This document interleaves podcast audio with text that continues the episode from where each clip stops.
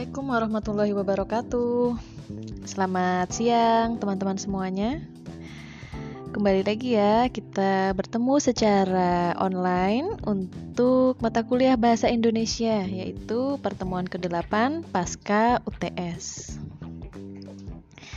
Sengaja hari ini saya menggunakan podcast ya, supaya berbeda jika pertemuan-pertemuan sebelumnya kita banyak menggunakan um, record video. Nah, hari ini saya sengaja mengirimkan dalam bentuk record podcast ya. Oke, kalau di pertemuan sebelumnya kita sudah pernah menyinggung tentang um, karya ilmiah. Nah, pasca UTS atau setelah UTS ini kita akan masuk ke dalam sistematika penulisan ilmiah. Jadi kita sudah mulai uh, praktek ya, artinya kita sudah mulai melihat langsung apa sih atau bagaimana sih cara menulis ilmiah yang baik dan benar gitu ya. Di pertemuan-pertemuan sebelumnya, sebelum UTS, kita sudah membedakan juga apa itu karya ilmiah dan karya tulis non ilmiah ya. Nah, untuk siang ini kita akan fokus ke sistematika penulisan ilmiah. Langsung saja, kalau kita berbicara tentang karya ilmiah, itu erat kaitannya dengan tulisan, tulisan-tulisan yang sesuai dengan kaidah yang berlaku ya. Ada aturan-aturan yang mengikat, ada ketentuan-ketentuan baku dalam tulisan ilmiah tersebut. Beda dengan tulisan non ilmiah ya yang lebih santai, lebih fleksibel gaya bahasanya atau gaya penulisannya seperti novel, cerpen dan lain sebagainya. Nah, untuk karya ilmiah itu lebih baku dan lebih teratur. Artinya ada kaidah-kaidah yang mengatur di dalamnya. Oke, mari kita ingat kembali jenis-jenis karya ilmiah yang sudah pernah kita bahas ya. Ada jurnal, contohnya ada laporan hasil penelitian, ada skripsi, ada tesis, dan yang terakhir ada disertasi. Nah, kelima contoh ini itu merupakan karya ilmiah atau karya tulis ilmiah di mana di dalamnya ada sistematika yang berlaku ya. Ada metode penelitiannya dan ada aturan-aturan serta menggunakan kaidah-kaidah dan bahasa baku secara ilmiah jurnal, laporan hasil penelitian, skripsi, tesis, dan disertasi itu tentu sudah tidak asing lagi ya. Sudah banyak sekali contohnya dan kita sudah sering sekali temukan. Kalau teman-teman lihat di sana, pasti teman-teman juga sudah tidak asing dengan yang namanya pendahuluan gitu ya, latar belakang, rumusan masalah dan lain sebagainya sampai kesimpulan atau penutup gitu. Nah, berbicara sistematika karya ilmiah, di sini ada e, beberapa hal yang akan kita bahas. Yang pertama, sistematika karya ilmiah untuk pendahuluan ya. Nah, di pendahuluan di sini itu terdiri dari latar belakang, identifikasi masalah, rumusan masalah, dan tujuan penelitian. Selanjutnya itu ada tinjauan pustaka setelah pendahuluan ya. Nah, tinjauan pustaka di sini itu berisi tentang literatur atau penelitian-penelitian terdahulu atau penelitian-penelitian yang sudah pernah dilakukan sebelumnya. Nah, tujuannya apa sih kita memasukkan tinjauan pustaka? Supaya kita bisa berkaca dari penelitian terdahulu atau supaya kita bisa melihat apa sih yang menjadi persamaan dan perbedaan dalam penelitian kita yang sekarang dengan penelitian kita yang eh dengan penelitian orang terdahulu. Jadi kita bisa melihat nah penelitian eh, yang kita ambil untuk dimasukkan ke dalam tinjauan pustaka ini adalah penelitian-penelitian yang serupa atau sejenis dengan yang akan kita lakukan. Selanjutnya ada metodologi penelitian. Nah, ini di dalamnya kita biasa memasukkan ada metode penelitiannya atau teknik pengambilan datanya gitu ya. Metode penelitian misalnya akan menggunakan penelitian kualitatif atau menggunakan penelitian kuantitatif gitu ya. Lalu teknik pengambilan datanya. Nah, itu apakah akan menggunakan e, observasi, menggunakan wawancara dan lain sebagainya. Nah, yang selanjutnya ini ada hasil dan pembahasan itu biasanya isinya ya. Artinya ketika tadi kita sudah membuat latar belakang, sudah membuat tujuan, sudah membuat rumusan masalah, sudah ada metodologi penelitiannya. Nah, selanjutnya yaitu hasil dan pembahasannya. Ini kita analisa. Jadi, hasil dari apa yang kita teliti tadi seperti apa gitu ya. Nah, yang terakhir itu ada penutup. Penutup itu diisi dengan kesimpulan dan saran. Nah, kalau kesimpulan di sini itu biasanya berisi dari rangkuman dari apa yang kita teliti tadi, rangkuman dari isi dan pembahasan dari penelitian kita. Lalu saran, nah ini saran jika diperlukan diberikan masukan-masukan tuh boleh disertakan. Kita bahas satu per satu ya. Di sini mulai dari pendahuluan. Nah, dari pendahuluan, ini biasanya ada beberapa hal walaupun sebenarnya tidak selalu saklek seperti ini ya, tapi sebagian besar atau umumnya itu terdiri dari latar belakang, identifikasi masalah, rumusan masalah, tujuan penelitian dan manfaat penelitian. Nah, latar belakang di sini itu bisa kita gambarkan ya kesenjangan antara apa yang seharusnya dan apa yang terjadi di lapangan. Jadi ada permasalahan apa sih yang tidak sesuai gitu ya?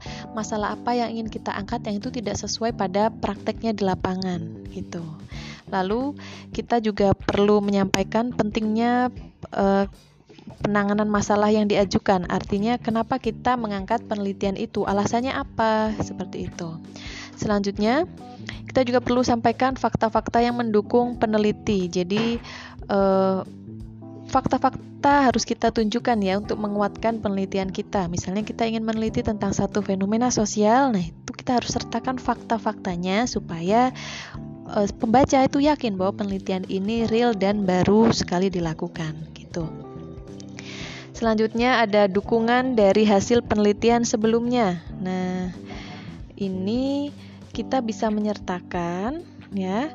Ini kita bisa menyertakan penelitian sebelumnya sudah pernah dilakukan itu apa gitu. Itu untuk menegaskan atau memberikan dukungan pada penelitian kita yang sekarang bahwa penelitian penelitian kita yang sekarang ini itu juga layak dilakukan karena sebelumnya sudah pernah ada yang meneliti hal yang serupa. Selanjutnya yang harus kita lakukan adalah identifikasi masalah gitu ya kita harus e, mendeteksi dan menjelaskan aspek permasalahan yang muncul dan berkaitan dengan judul penelitian atau dengan masalah atau variabel yang akan diteliti. Kita harus bisa melihat permasalahan apa yang muncul, lalu apa yang akan kita e, selesaikan dari permasalahan itu tadi, gitu. Selanjutnya ada rumusan masalah, itu ya. Nah ini adalah e, pertanyaan masalah itu juga bisa dimasukkan ke sini. Jadi permasalahan apa sih yang diusulkan oleh peneliti atau oleh kita selaku peneliti untuk dikaji atau untuk ditelaah lebih dalam. Dituliskan dalam bentuk kalimat tanya. Misalnya mengapa uh, misalnya dengan mengapa atau bagaimana gitu ya. Itu lebih efektif dari kalimat tanya mengapa dan bagaimana. Selanjutnya, untuk tujuan penelitian, nah itu harus dirumuskan secara singkat dan mendasar pada masalah yang dikemukakan. Dan manfaat penelitian itu juga harus kita jelaskan secara spesifik. Keuntungan apa yang akan kita janjikan dari penelitian yang kita hasilkan? Manfaatnya apa? Gitu. Lalu inovasi yang akan kita hasilkan dari penelitian ini apa yang membedakan gitu ya, yang inovasi-inovasi yang paling bagus gitu. Selanjutnya uh, tinjauan pustaka. Tinjauan pustaka di sini terdiri dari penelitian yang terdahulu, artinya penelitian-penelitian yang pernah dilakukan sebelumnya gitu. Artinya kita harus bisa menemukan penelitian serupa atau penelitian sejenis dengan punya kita tapi berbeda gitu. Jadi kita harus bisa menemukan persamaan dan perbedaan dari penelitian terdahulu dengan penelitian yang sekarang. Tujuannya untuk apa gitu ya? Misalnya kita bisa melihat kerangka teorinya untuk kita gunakan atau kita bisa melihat metodenya apa yang digunakan dari penelitian terdahulu dan lain sebagainya. Dan nanti kita terakhir kita harus bisa menunjukkan persamaan dan perbedaan dari penelitian terdahulu dengan penelitian yang sekarang kita lakukan. Itu untuk tinjauan pustaka. Selanjutnya untuk metodologi penelitian. Nah, ini biasanya berbeda dari e, mereka yang mengambil bidang ilmu sosial dan bidang ilmu e, teknologi gitu itu berbeda. Biasanya kalau orang-orang sosial lebih suka kualitatif ya, walaupun tidak menutup kemungkinan ada juga yang mengambil model penelitian kuantitatif gitu. Jadi metode penelitian itu bisa kuantitatif, kualitatif atau mix method. Jadi gabungan dari keduanya seperti itu. Nah, kalau kita menggunakan Kuantitatif itu biasanya kita sertakan populasi dan sampel. Tapi ketika kita menggunakan kualitatif, itu kita hanya perlu melihat teknik pengumpulan datanya itu apa. Apakah melalui observasi, wawancara, atau skala. Setelah itu, kita juga harus menjabarkan analisis datanya seperti apa. Gitu ya. Itu tadi adalah sistematika penulisannya. Nah, sekarang mari kita lihat apa sih yang membedakan uh, sistem kepenulisan ilmiah dari jurnal dan skripsi ya. Nah, nanti teman-teman bisa buka link di sini. Link dari jurnal ini ya. Jurnalnya psikologi atau sosiologi bisa buka. Kalau sosiologi sebelumnya sudah pernah saya berikan ya. Ini bisa dibuka link jurnalnya dan di sini ada link untuk skripsi mahasiswa Vishum. Nah, itu nanti teman-teman bisa melihat perbedaannya itu apa sih gitu. Nah, itu akan kita bahas di pertemuan mendatang. Apa perbedaan penulisan e, sistem penulisan ilmiah dari jurnal dan sistem penulisan ilmiah dari skripsi. Gitu ya. Kurang lebih itu saja penjelasan singkat yang bisa saya sampaikan.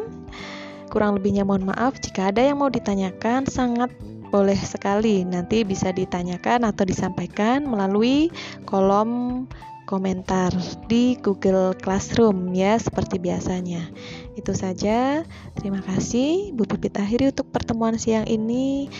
Wassalamualaikum warahmatullahi wabarakatuh.